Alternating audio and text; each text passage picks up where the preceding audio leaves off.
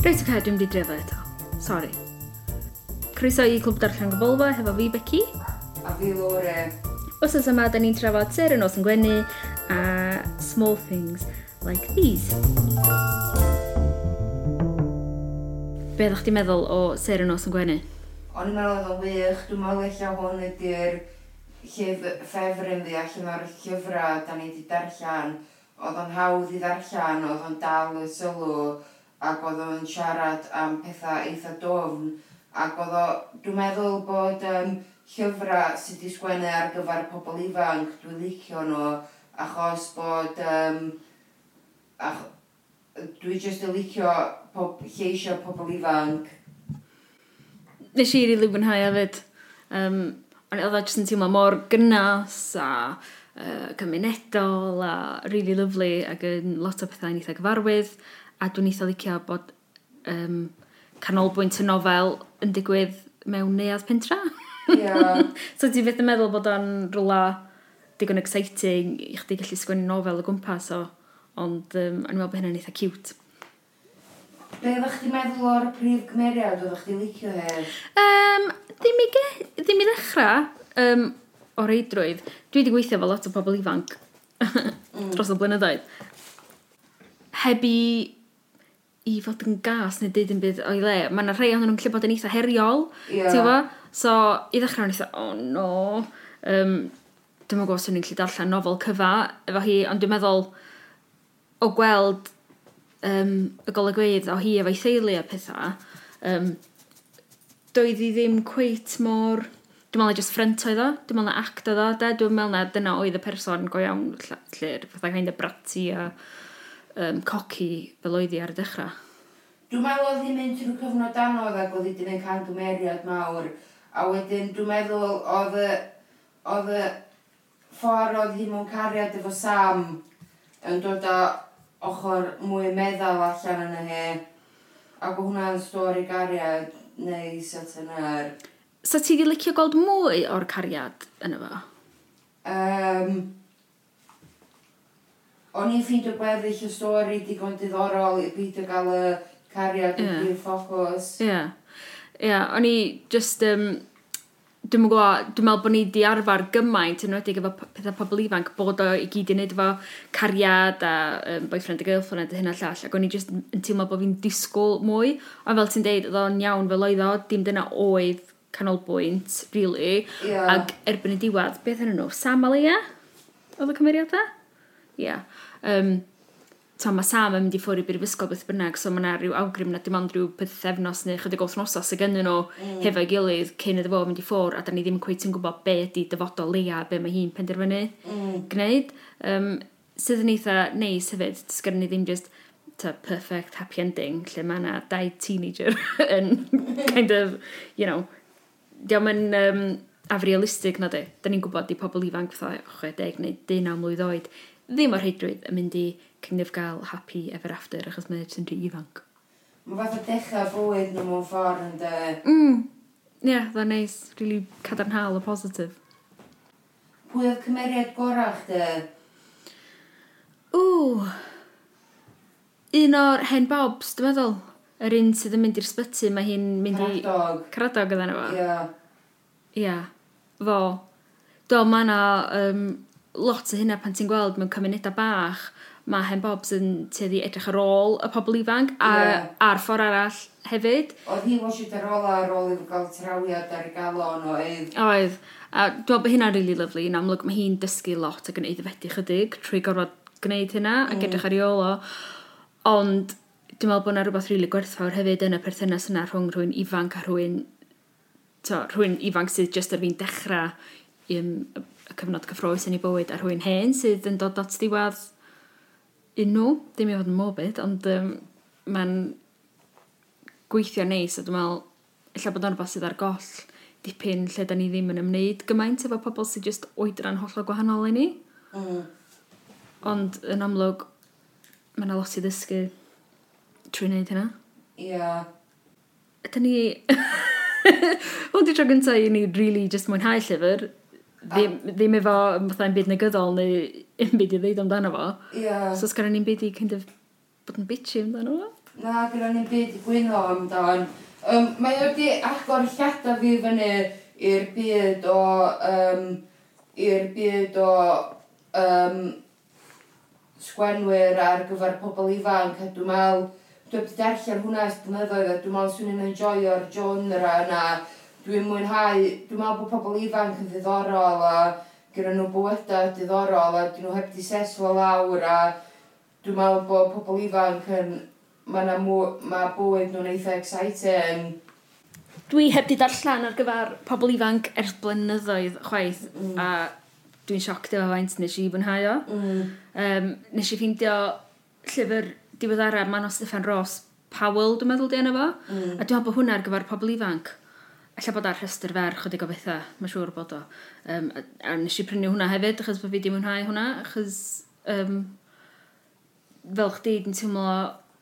Weithiau mae jyst yn neisiach hefyd, mae straeon nhw yn neisiach na lot o'r straeon dyn ni'n darllen fel oedolion, a mae'n fwy diddorol gweld perthynas pobl ifanc a yr... Um, yeah, beth sy'n gyda nhw i ddeud ar pethau. Pethau da ni'n cael wrong fel oedolion, sydd da ni ddim i fod i drin pobl ifanc a siarad hefo nhw. Ie, yeah. da ni gallu bod yn nawddogwyd yn hawdd yn dan. Mm. Oedd y boi Kevin na oedd yr hedag uh, y neuad gymunedol yn eitha nawddogwyd efo, um, efo he. Ie. Yeah. Ar y pwynt yna ni, yn cyd, cyd ymdeimlo fo hi, chos o'n i jyst yn teimlo, tas yna rwy'n yn siarad o fi'r ffordd oedd o'n siarad, swn i jyst i cerdded o'na. hwnna. Ie. So nath... methu iddo na. na dwi'n gwybod sy'n mewn trwbl, ond nath i'n dda i aros, achos swn i ddim. Mm. A dwi'n meddwl oedd o'n enghraifft perffaith o rhywun sydd yn... Un yn beirniadu rhywun yn syth ar yr olwg cynta o'r ffordd maen nhw, ond hefyd mae gynnu fo rhyw rhagfarn hefyd o, mm. tod, be bynnag mae hi wedi gwneud yn y gorffennol, doedd o ddim yn fodlon gweld hi fel person yeah. yn ei hun, a, a a dod i'n nabod hi cyn iddo fo farnu hi. Ie. yeah. ond dwi'n meddwl nath perthynas nhw ddatblygu lle oedden nhw'n dod maen mwy tuag at y diwedd. Mm. Be ddech chi'n meddwl o pam nath i fynd i weld y hen ddynas a ymddihiro am ddwy'n y pres? O'n i'n meddwl bod e'n realistig y ffordd oedd o'n cael ei disgrifio efo hi'n teimlo'n rili really, um, annifyr ac yn lletach o eitha pethau mynd i fewn i'r stafell na, fydra i yeah. ddychmygu. Dwi'n cofio, to, pan ti'n blentyn a ti ofyn gael row, mm. a so ti'n trio cuddio ar rhywbeth ti di wneud, a wedyn ti'n just mewn panig sa i'm yn gwybod fe i wneud, a pan mae rhywun yn dod i fyny at chdi, ti'n fydda, oh my god, mae ti fewn i chdi just eisiau marw. Mm. Ac o'n i'n teimlo fel a dros dy hi. Yeah. Ond oedd y hyn yna sy'n iawn oedd. nath i roi lemon sherbet i hi, a nath i siarad am gwahanol cyfnodau bywyd hi, ac o'n i'n meddwl bod hwnna yn kind of fatha roi darlun cyflawn o'r hen ddynas fel cymeriad, oeddech chi'n mynd just gweld ti fel hen ddynas mewn cater a hen bobl. Dwi'n meddwl na dyna un o'r negesia mwyaf cry ynddo fo i fi oedd mae pawb yn person yma gan pawb stori a mae pawb yn fwy na just un peth. Yeah. So i Leia ar y pryd oedd y hen ddynas ma neu'r hen dynion mae'n dod i'n nabod, just hen bobl dyn nhw beth maen nhw'n wybod, dyn nhw'n gallu uniaethu fo hi Ond maen nhw wedi byw bywyd a di mynd trwy gymaint a di cael gymaint o brofiadau. Mm. Mae gan nhw rhywbeth gwerthfawr yeah. i gynnig, ond hefyd yn yr un ffordd mae hi fel person ifanc hefyd yn, yn werthfawr ac efo rhywbeth i gynnig. Yeah. A mae'r er barnu pethau mynd naill ffordd, dydy, da ni'n beirniadu pobl ifanc am bod yn, wel, be bynnag ydyn nhw. A wedyn, pethau, yr un peth efo hen bobl, a meddwl, och, mynadd, beth sy'n gyda nhw i, i ddeud wrthyn ni, lle. Ie, o'n a lot o bwyslais ar hen bobl yn fo, ac oedden nhw gyd efo cymeriadau diddorol. A, um, ie, dwi'n, o'n i'n just gweld nhw fel hen bobl, dim bod fi'n gweld hen bobl just fatha hen bobl anyway. Dysgu fath amdano chdi, fan. Ie, yeah, wel, oedd o just yn rhoi darlun eitha... Um, neis o be ydy cymuned am o'n i, ar gwahanol cymeriadau, gwahanol oedra na, um, a'r croesdoriad rhwng y math o bobl sy'n byw yna. Um, ond mewn ffordd eitha yeah, realistig, oedd o'n rhy preachy nag oedd yna, fatha neges, kind of, yn cael ei weiddi arna chdi. Ond... Na, oedd y neges fatha, oedd o ddim yn amlwg. Ie. Yeah. Oedd o'n gynnil, ond hefyd, oedd just y teimlad o cymuned yn, yn sefyll allan mwy na'n byd. Ie, o'n i'n teimlo hynna fyd. Oh my god, ydyn ni wedi llwyddo i siarad am llyfr mewn chwarter awr. A heb di dweud yn byd negyddol. Mm, ie. Yeah. Gen i'n llawer yn byd arall i ddeud, dim ond neis. O, un peth nes i sylwi oedd, dwi'n meddwl bod um, Casia yn magwyl arall ydy pan wythnos yn Cynarfon fan pan penwthnos um, nes yma. Ie. Yeah. Dwi'n meddwl bod gen i hi digwyddiad yn Palace Print. Oes? Oes, so illa se hynna'n diddorol. Ie, yeah, chi sy'n ei gallu mynd, ia. Ie, yeah. just chdi a fi el llwyth o teenagers. Ie.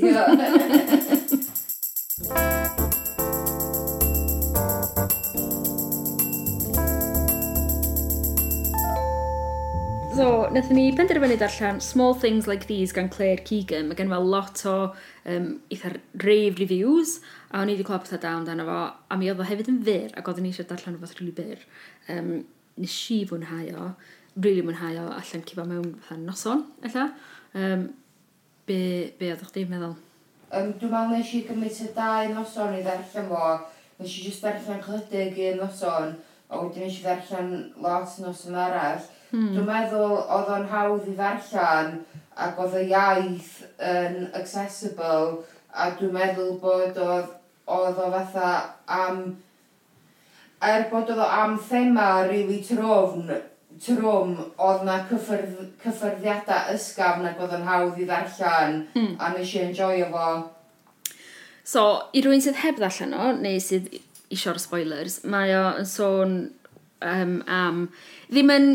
Dio ddim tha, ar blaen y stori, ond ys, um, be ydi o, di uh, e, dyn glo lleol, so mae hwn wedi cael ei osod yn Iwerddon, dwi'n mm. gwybod pa tre oedd o. Um, Ond fo ydy dyn glo um, lleol y tre yma, ac um, mae o yn mynd â bag o lo i un o'r um, Magdalen Laundrettes. Laundries. Laundries. Laundrettes. um, ac, um, so, pan mae o'n mynd um, i fanna, mae o'n gael rhyw fath o awgrym bod yna rhywbeth ddim quite not all as it seems, lle. Um, ac ers y cyfnod mae hwn wedi cael ei sgwennu ynddo fo, mae yna lot o bethau erchill i ddod allan am y cyfnodau yna, lle oedd um, merched ifanc um, rhan fwyaf um, oedd yn, um, yn ddibriod, ond yn disgwyl, um, yeah, yn gorau, well, basically mae fath carchar, ond, e, ond mm. oedden nhw hefyd yn cymryd babis nhw oddi wrthyn nhw, um, yeah, eitha erchill. Mm. Ond cynnil iawn ydy'r awgrym o hynna yn yeah, y stori. Course Mae hwnna fatha, o'n i'n meddwl na hwnna fysa prif ffocws y uh, nofel, ond o hwnna mwy yn y cefndir, mm. ond nath o orffan efo'r dyn glo yn helpu hogan i ddod o'na. So nath y thema ddod yn fwy amlwg, ond oedd y thema o um, bywyd y dyn glo a bod mam fo'n ddynas ddibriod gath fyw mewn mansion a oedd y dynas yn helpu hi a plentyn hi o gath hwnna i gyfro, so oedd y thema o bod yn feichiog heb priodi yn cefndir y nofel, ond o lot amdan, am, a, a, a, ohono fo amdan bywyd fo efo'i rai a'i blant a fatha, a fatha bywyd, um, bywyd neis o gyda nhw, ia. Ia, oedd o, mae yna un penod, dwi'n meddwl, lle mae o, um, yn amlwg yn gyda fe lot ar ei feddwl, mae poeni am pres, ydy o'n um, gwneud digon o arian. Mae'r plant, mae gen nhw lot o plant, dwi'n meddwl, does. A merched ydyn nhw gyd. Tair o gen nhw. O ia. Um, a wedyn, yn poeni am, tod, mae um, nhw'n tyfu fyny, ac angen mynd i'r ysgol, a um, tod, angen pethau mae'n adeg adagolig, ac eisiau gwneud y siop adolig, yn siŵr bod nhw'n prynu anrhegion a hyn a llall, a digon o fwyd. Um, ond, dwi'n gwybod, mae jyst arddull, mae'r ffordd mae'n sgwennu, oedd o mor disgrifiadol, Mae o'n nofel, mae o'n fyr iawn, dydy, dim ond cant tudalen neu rhywbeth felly oedd o. Ia, llain y cant tudalen. Um, ydy hynna nofel? Dwi'n gwybod, ni'n meddwl, dwi'n gwybod dwi wedi cyhoeddi nofela ac hwnna fatha 60 rhywbeth tudalen. Okay. So dwi'n dwi siŵr, dwi'n meddwl bod, maen nhw'n galw, dwi'n meddwl bod nhw'n galw fo nofel, ond dwi'n meddwl eich nofela ydi o. Oce, okay, dwi newydd, mae'n mynd i fyny at 110, so beth na 100 di'r cut-off point. Dwi'n siŵr, Dwi'n meddwl bod, dwi'n meddwl bod hynna'n cyfrif fatha nofela, ond dwi'n meddwl holl yn siŵr. Ie, ond ym maen nhw'n galw bod nofel, a mae ydi... Um, o, oh, gatha i... Um, oedd ar rhestr fer y Booker Prize llynydd ar gyfer nofel, so... Ond mae yn fyr, dydy? Ond mae arddull i mor amazing, Claire Keegan. Dwi ddim yn teimlo oedd angen gair mwy, chwaith. Mi nath i ddeud gymaint efo be oedd wedi sgwennu, o'n i'n gallu gweld y tref ma yn glir, o'n i'n gallu gweld Bill, a'i deulu mm. yr, yr laundry house ma. Dwi'n meddwl am laundret. a just llwytho um, sheet achos i ar-lein. Um, mm. yr, yr Magdalene House neu be bynnag. Ac um, ia, dda mor clir a dda mor... Dwi'n meddwl bod, bod o wedi cael ei sgwynnu'n fatha'n berffaith da ni'n gweld o'n mynd a glo at y Magdalen Laundry a mae un o'r merched yn cuddiad neu wedi cael ei rhoi yn, un, yn y coal bunker tu allan. Mm. Um, ac mae hi, mae o'n amlwg bod wedi bod yna ers rhai dyddiau mm. a mae'n dwi'n mae'n gofyn wrth Bill y fan ydy where's my baby neu rhywbeth o oh, what have they done with my baby mm. a mae o'n mynd â hi fewn a mae'r mother superior yn fel basically yn dweud celwydd y deg yn siarad ati so bod hi wedi bod yn chwarae gwmpas ac yn chwarae hyd yn seek o'i ffrindiau bod hi, hi wedi mynd allan i cuddio yn y coal bunker neu rhywbeth. Ond ti'n meddwl bod hynna'n realistig nes oes rhywbeth arall i digwydd a bod o'n rhyw fath o um, cosp bod hi allan yn fanna neu di trio dianc neu rhywbeth. Dwi'n siŵr, o'n i'n siŵr iawn be wneud o'r darn yna.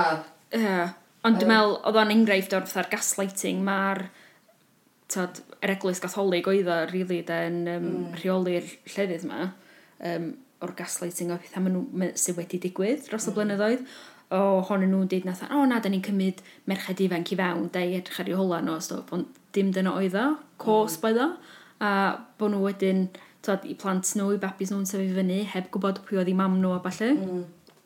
Um, ia, yeah, dda'n eitha horrific y disgrifiad o'r hogan yn y cold bunker. Oedd, o hynna'n horrific. O'n i'n ffeidio'r darn yn y diwedd lle mae'n helpu hi allan y rili trawiadol, efo rili disgrifiadol, o'n i'n gallu gweld o'n pen fe o. Ie, hwnna fo'n cerdded adre efo hi. Mm. Drwy'r stryd, ganol gea, eira. Mm, oedd o'n rili yn. Dwi'n meddwl, un peth nath um, hita fi fyd, de, oedd, Chos mae o yn siarad lot, ac y ffaith bod hwn yn hitio fo gymaint ydy, chos mae o'n ymwybodol bod i, ma, i fam o wedi bod yn yr un sefyllfa pan oedd hi'n ifanc ac ymweichiog a bod o wedi tyfu fyny heb gwybod pwy oedd hi dad o o wedyn mae'n awgrym na Joseph dwi'n meddwl oedd enw fo ydy'n um, hen ddyn yn y pentra neu yn y tre sydd yn nabod o ac mi nath oedd yn gweithio yn y tir, mansion ma. Ia, yeah, ac awgrym na fod i'r tad. Ac o'n i'n meddwl, dim ond ambell i frawddeg ydi o, ond mae'n jyst yn amlygu'r y privilege sydd gan dynion yn, yn enwedig yn byw mewn rwla fel yn y cyfnod yna, lle gafodd o ddim i'w ffeithio yeah. gan hyn o gwbl. Mae o wedi gallu cario ymlaen gweithio, byw i fywyd, tod, a di byw i fod yn hen ddyn, heb unrhyw canlyniadau negyddol yn disgyn arno fo, ond i unrhyw ddynas oedd yn disgyn yn feichiog neu hogan ifanc, um, dim, tod, er na, sy'n ni'n deud, na hanner hwnna di bai y dyn. Ar y pryd yna, mi fysa'r dynion yn gallu cario ymlaen efo'i bywyda a um, ta, ddim gael ei effeithio ganddo fo o gwbl traedd bywyda'r merched yma yn mwy neu lai dod i ben. Ie, yeah, eich fysa nhw gael ei effeithio chydig ba... Eich fysa nhw yn gael ei effeithio a sy'n bod nhw ddim yn apel plentyn o... Ond dwi'n meddwl oedd y merched yn mynd trwy mwy, dwi'n cytuno fo hynna, ia? Mm. Wel ia, dwi'n mynd dweud bod bob un dyn ddim yn cerio os dwi'n gael rhywun y feichiog, ond os dwi'n dod lawr i pan ti'n byw mewn ardal um, ac mewn amser mor crefyddol a llym mm. a hynna, mae jyst yn teimlo fatha, fel, sgen y merched no hope, na. Sgen nhw'n gobaith no. mewn unrhyw ffordd. Um, ac diolch lot os ydy'r dyn yn, yn sori am y sefyllfa neu rhywbeth, mm. dio dal ddim yn mynd i effeithio fo yn yr un ffordd. Ia. Yeah. Um, yeah. A wedyn, mae gen ti rhywun fel Bill, a mae hynna'n diddorol, rhywun sydd i weld mor egwyddorol, sydd yn teimlo mor gry dros fo. Mae o'n cymryd y ferch ifanc fa o'r convent ac yn mynd â hi adra at ei deulu, er mm. bod o wedi bod yn deud bod o'n poeni yn pres, sut mae'n mynd i sicrhau bod i blant o i gyd yn saff a efo digon arian, mae o'n teimlo sa well gyda fo mynd â y ferch adra a roi cyfla mewn bywyd iddi hi hefyd. Yeah. Heb really meddwl am be ydy'r consequences o hynna. Mm. Um, mm, Na, ni yn ffeindio fo'n just yn rili really trawiadol. O'n i kind of meddwl o be nath i gwyddi babi hi oedd yn bechod oedd o'n methu dod o babi hi fed. Ie. Yeah. A mwyn i, does o'n ffordd o wybod na pwy sy'n wedi... Ta bod y... Uh, Tad, uh, dwi'n mwyn gwybod institution sy'n rheoli'r pethau yna, um, yr llefydd fel yr Magdalen Laundries a felly, tam mi fysa gen nhw cofnod ohono fo, ond fydden nhw yn rhannu'r wybodaeth yna, dwi'n gwybod, achos oedd i'n mynd at teulu arall i fabwysiadu bysa. Mm. Um, so dwi'n meddwl sef o'n rili really anodd. Neu, oedden nhw'n mynd i rwle arall i gael ei magu mewn toth a convent a stwff felly. Dwi'n meddwl, dwi'n siŵr. Ie, dwi heb di um, ymchwilio digon i fewn iddo fo. Mm. Uh, ac, ia, ella nai, ond ar ôl darllen hwn, oedd hwn jyst yn stuck yn co fi am ages, o'n i yn meddwl amdano am oes. Fysa ti'n licio iddo fo fod yn hirach o gwbl, yn fwy o no, nofel? No, ti'n meddwl bod o'n gynnel ond oedd o'n... Oedd o'n... Oedd o'n ddigon o wmff yn y stori i wneud o'n complete, ia. Mm. Ia, yeah, dwi'n gytuno. Mae bod o'n gret swn i hefyd efo diddordeb allan lot fwy gan Claire Keegan. A fe, so gyda fi lot mwy ddiddordeb darllen pethau gan y casu, o? Ie, yeah, dwi'n meddwl mae gen i o plant, dwi'n meddwl siŵr os di di rhyddhau yn rhywbeth arall. Ond darllen rhywbeth ar y cefn, dwi'n meddwl bod gyda hi nofel arall. Sws ar y mai, ia, dwi'n meddwl na un plant bach, oh. Sws ar y... Oh. Sara mai, plentyn bach yn mynd i'r zoo. O. Oh. Sa'n ni'n gallu darllen o, os ti eisiau? yeah. na fydd yn ddiddorol gweld be mae um, Casia yn rhyddhau nesaf bydd. Bydd. So please Casia, sgwna fi o'n y fel i ni.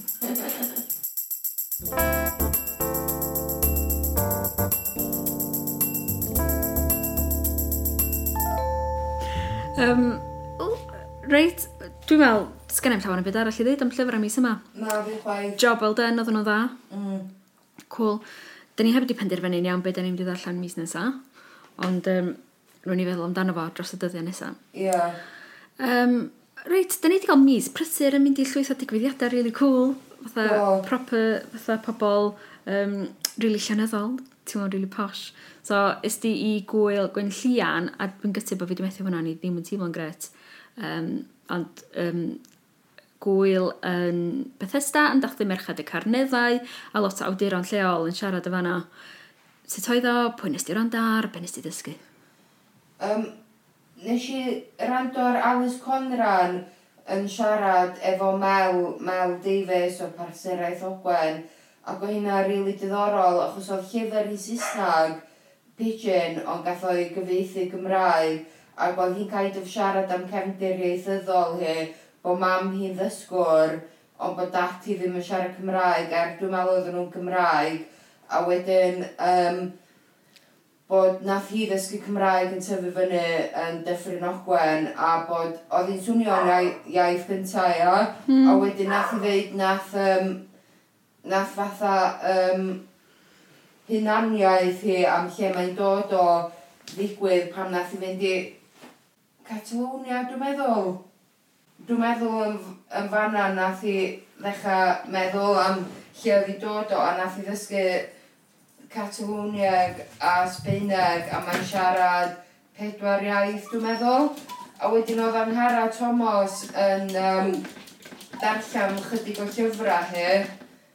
Um, o hynna rili really diddorol a wedyn oedd um, Manon Steffan Ross yn um, dwi'n meddwl oedd hi'n darllen chydig o llyfr gwas nebo ac oedd hi, oedd hi'n gael ei chyfweld gyda dynas oedd gwarchod i hi pam oedd hi fach, ac mhm. oedd Manon Steffa Ross yn deud bod oedd y dynas yn, um, yn fatha neud cyclwn allan o blancad i hi pam oedd hi'n gwely, ac oedd y perthynas rhwngth nhw yn eitha touching, yeah. lle oedd nhw'n nabod i gilydd cynt es oedd Manon yn fach, ia. Ie. Yeah. Och, dwi'n rili really siomedig bod fi wedi methu fo. Um, Ti'n meddwl fi wneud flwyddyn nesaf? Bydd, dwi'n meddwl bod nhw'n, um, dwi'n meddwl bydd na un blwyddyn nesaf, dwi'n meddwl eich bod nhw'n mynd i ddathlu merched bob blwyddyn, ond dwi'n holl hollol siŵr, ond, um, ia, ond eich bydden nhw ddim efo, mae siŵr bydden nhw ddim efo'r un pobol na, so eich ddim cyfle arall i weld nhw.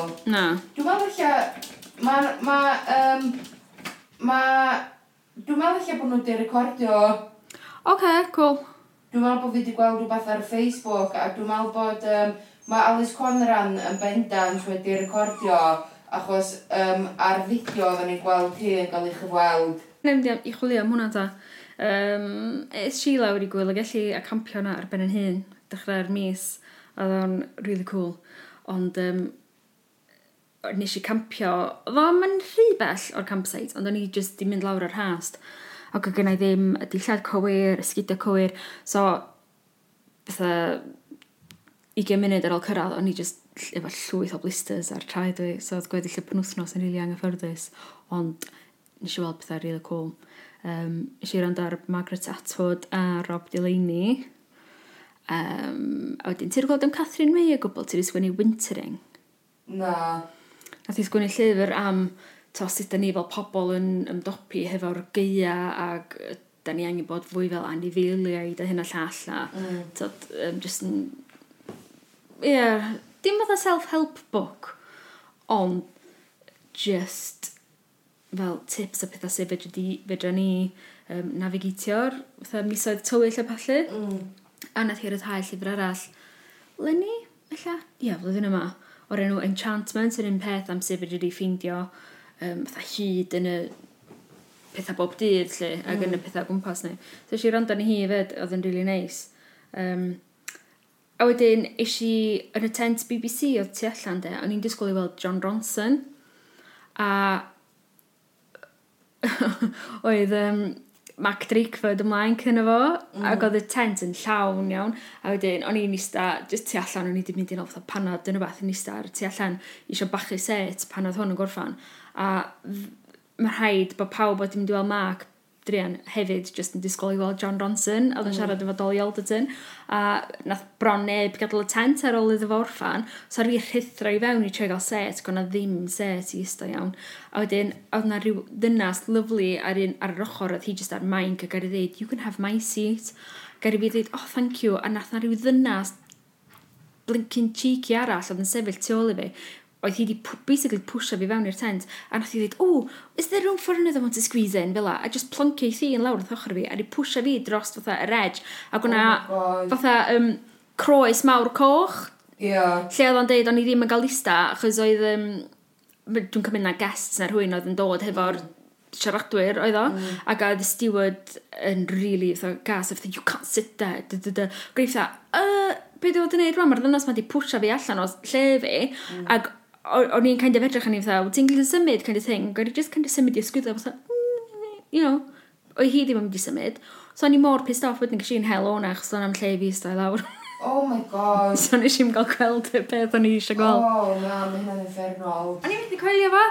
Mm. A'r ffaith na fi oedd yna gyntaf lle a fi gath cynnig y set, a yeah. nath i just, ia, yeah, dwyno. Mae'n really annoying. Horrible, dydde? Mm. So si hwnna, oh, ni'n mynd iffa yn y mwd, a hwnna y peth ola ni wedi disgwyl o gwmpas i, i wrando arno fo. Ie, yeah, ac oedd chdi wedi gwneud ymdrech yn fawr, mm. mynd lawr a bod dim. Mm. Ie. Yeah. So, oedd yn gret, ond mi nath yr un dynas yna bron a di fetha bob dim. Mm. Ond ti'n teimlo, oh, what a bitch.